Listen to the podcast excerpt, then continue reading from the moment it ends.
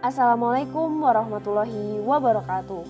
Halo Koperati People, apa kabar semuanya? Semoga kalian sehat-sehat terus ya. Charger Iman Jumat kali ini aku akan menyampaikan mengenai tabayun. Apa itu tabayun?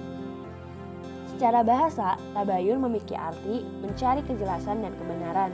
Sedangkan secara istilah adalah meneliti dan menyeleksi berita yang benar dan salah. Di era digital saat ini, informasi apa pun bisa didapatkan dengan cepat dan mudah. Namun, kecepatan informasi juga bisa menimbulkan masalah baru, seperti adanya berita palsu.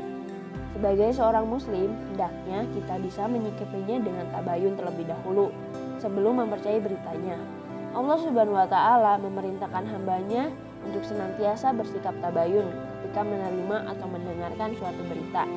Perintah ini tertuang dalam surat Al-Hujurat ayat 6 yang artinya, Wahai orang-orang yang beriman, jika seseorang yang fasik datang kepadamu membawa suatu berita, maka telitilah kebenarannya, agar kamu tidak mencelakakan suatu kaum karena kebodohan atau kecerobohan, yang akhirnya kamu menyesali perbuatanmu itu. Di dalam tafsir Al-Mutasar disebutkan melalui surat yang sama, Allah Subhanahu wa taala memperingatkan orang-orang beriman kabar yang dibawakan oleh orang fasik. Tujuannya agar kabar ini tidak menjerumuskan mereka ke dalam perbuatan zalim terhadap orang yang tidak bersalah, sehingga mereka menjadi menyesal karena sifat terburu-buru mereka.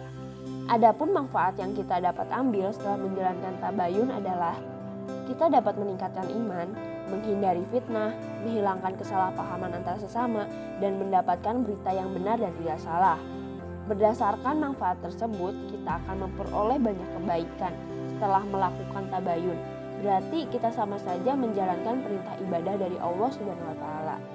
Sekian charger iman kali ini, semoga apa yang disampaikan dapat bermanfaat bagi teman-teman. Bravo Kopma. Wassalamualaikum warahmatullahi wabarakatuh.